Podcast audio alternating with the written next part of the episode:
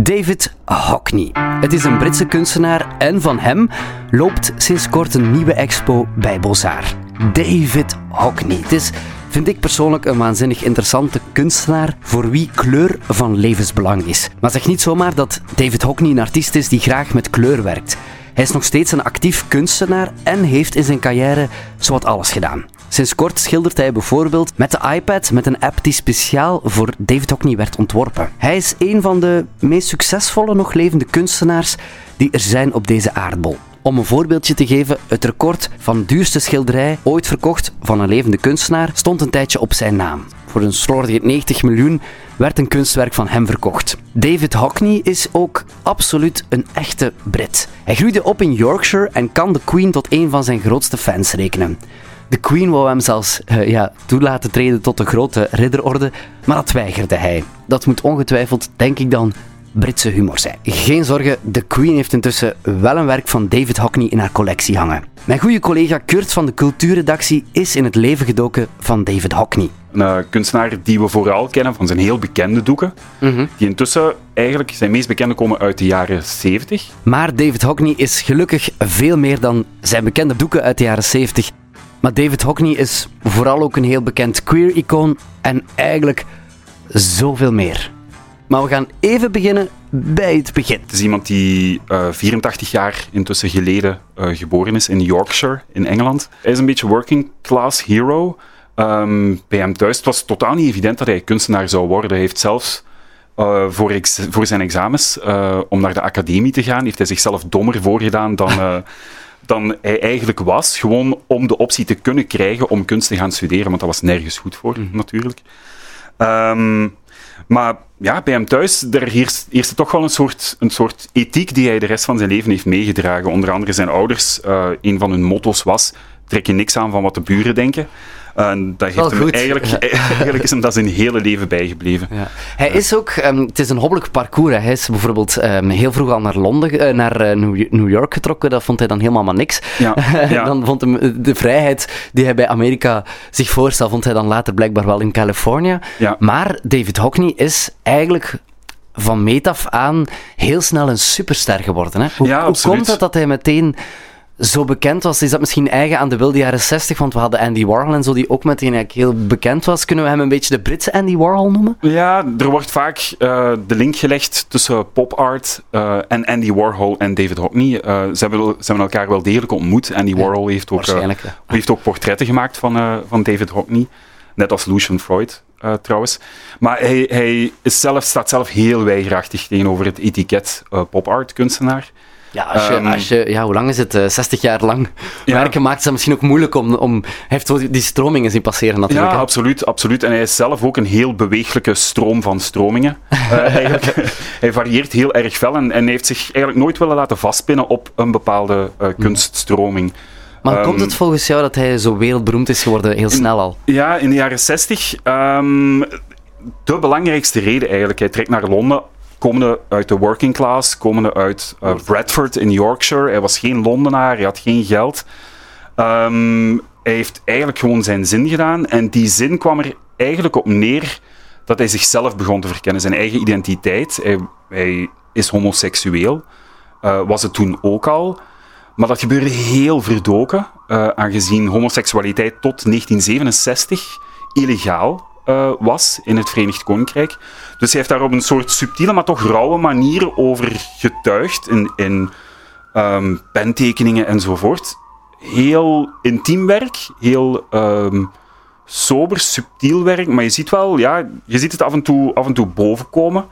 Um, hij laat zich ook inspireren door Um, bijvoorbeeld uh, gedichtenreeksen die heel erg alluderen op homoseksualiteit. Maar het was in die periode, zoals ik zei, uh, tot 67 was het illegaal in het Verenigd Koninkrijk. Ongelooflijk, ja. Um, het was echt not done dat je dat toonde. En ja. daardoor heeft hij eigenlijk, is hij meteen iconisch geworden ja, de, omdat hij de zo aan, aan, het durfde. Ja, voilà, ja, omdat hij zo rammelde aan de maatschappij, om het ja, zo te zeggen. Ja, absoluut. Bij, was, ja, zeg maar. Ja, het was, het was toch subtiel genoeg om zelfs zijn moeder uh, een beetje ja, dat, is een mooi, dat is een hele mooi verhaal. Dat moet je misschien even vertellen. absoluut, absoluut. Ja. Um, zijn moeder heeft um, aan David Hockney een brief geschreven toen Hockney intussen 45 was. Ehm, een heel emotionele brief, omdat zij er eigenlijk net achter was gekomen dat hij homoseksueel was. En zij ehm, betuigde haar spijt Maar ja. dat zij er niet voor hem was geweest op het moment dat hij haar En hoe oud was Hockney toen? Want dat is ook belangrijk om te 45. Ja, hij was 45 toen. Ja. Oh god, heren, het moedertje van David Hockney plots door had dat haar zoon misschien nooit met een vrouw zou thuiskomen. Ja. Kurt, je bent vandaag geweest en na die double bill zag je, had jij ook de sprankel in je ogen bij alles wat je zag van David Hockney? Eh, absoluut, absoluut. En, en zelfs op onverwachte momenten. Ehm, ik denk, het is, het is zoals je zei ook, het is, het is een dubbel expo. Dus je hebt ja, enerzijds... dat moeten we misschien even uitleggen. Ja. Werken uit eh, de Tate-collectie, Tate eh, Londen, Ja, intussen, bekend museum, intussen hè. al in meerdere eh, steden. Brits instituut. Heeft eigenlijk een heel nauwe band met Hockney. Hockney heeft heel veel werk geschonken aan Tate. Ehm, dus die zitten op een enorme collectie. En die wordt nu naar hier verhuisd. Het is een collectie die reikt van 54 tot 2017. Dus echt de beginperiode tot het heden. Waarin je ook ziet dat hij, ehm, dat hij duidelijk, eh, want hij, dat, dat lees ik ook in je artikel in je ABC van David Hockney, dat hij duidelijk zegt, eh, op een gegeven moment beseft hij eh, van de kunst die wij kennen in de westerse kunst, dat is maar een bepaalde blik. Laat, Ja. En dan blijkt hij plots interesse te krijgen voor Oosterse kunst, om maar te zeggen, ja, de man heeft 60 jaar, hij leeft nog altijd, maar nog altijd werken, dat hij heel veel verschillende stromingen eh, Ja, aanhaalt. ja, hè. en dat haakt eigenlijk terug naar het motto van zijn familie. Trek je niks aan van wat de buren denken. Bind je niet aan één stijl, doe wat je wil eigenlijk. En hij ontdekt op een bepaald moment in de jaren tachtig eh, Chinese rollen. Ehm, die, ja, daar, daar waren eh, rollen bij die 12 meter lang waren. En hij ontdekt daarin dat er verschillende perspectieven tegelijkertijd in één beeld zitten. En Welke, hoe oud waren die rollen, weet je dat? Goh, geen idee. Geen Nee, idee. Het waren Maar- heel, heel oude... Ah ja, oké. Het, was- het het is niet dat het zoiets was van kunst van in de, jaren, van in de 20e eeuw of zo. Dat was het niet. Eh, nee. nee, ik denk het niet. Ah, Nee, echt veel ouder, ja. Ehm, maar in ieder geval, hij ontdekt daar... Ah ja, je kan eigenlijk meerdere perspectieven in één beeld steken. En gezien hij enorm gefascineerd was door fotografie... Heeft, ehm, zijn bekendste werken zijn onder andere zijn zwembadschilderij, die hij in L.A. heeft gemaakt, zoals hij ook zei. Kleur was enorm belangrijk daarvoor. Het was heel heftig. Heel felle kleuren. Zomer, volop zomer, volop zon. Eigenlijk een hedonistische plek. L.A. was de plek Ja, eh, om zijn jaren 60, homoseksualiteit hè. Ja. te, te vieren. Dingen die hij in, in het Verenigd Koninkrijk niet kon. Daar vond hij een beetje het beloofde land. En aan de andere kant hij, had hij ook portretten en hij gebruikte daar eigenlijk fotografie voor. Hij legde die dingen vast en hij werkte die dan schilderkunstig uit. En op een bepaald moment laat hij die doeken, die eigenlijk het meest populair zijn bij het grote publiek, laat hij eigenlijk achterwege. En, en hij zegt van, kijk, dit is niet de manier waarop ik met kunst wil bezig zijn. Ik wil eigenlijk tonen dat er meerdere perspectieven mogelijk zijn. Als ik kijk, beweegt mijn oog. Hij heeft op een bepaald moment de uitspraak gedaan. ehm, een oog beweegt altijd. Als het niet beweegt, wil dat zeggen dat je dood bent. dat klopt natuurlijk Dat ook. klopt, daar kan je niks tegen inbrengen. Ja, hoegenaamd. absoluut. En Nee. daarvan komt eigenlijk zijn hele verdere expeditie ehm, in de schilderkunst. Schilderkunst op verschillende manieren, want hij gaat technologie ook gebruiken om aan te tonen dat perspectief verschuift. Ja, en dat is interessant, want ehm, het, is, het is leuk dat een oude vent, want dat is David Hockney, daar moeten we niet onnozel over doen, Eh, dat een oude vent aan de slag is gegaan met een nieuwe technologie. Hij blijft vernieuwen, want ook hij heeft een lockdown moeten doormaken. Ja. En wat besloot hij te doen? Hij besloot schilderijen op iPad te maken. Ja, absoluut. Moet je eens uitleggen. Absoluut. Ehm, dus in zijn periode in, in Los Angeles, hij heeft daar heel lang verbleven, in, in verschillende periodes. Ehm, het vervelende daar was dat hij geen seizoenen eh, terugvond in Ah, nee. LA. Ja, nee, nee, Dat, dat was een tropisch klimaat. Ehm, dus ja, een, het verschil tussen een lente en een zomer valt amper op, tenzij in het landschap in ieder geval, tenzij in de temperaturen.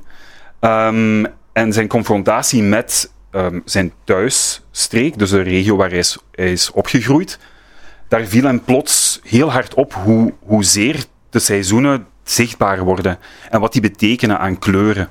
Vooral omdat Ja. ja. Hockney is een, is een colorist. Dat is iemand die enorm gefascineerd is door wat hij ziet en wat voor nuances dat je ziet.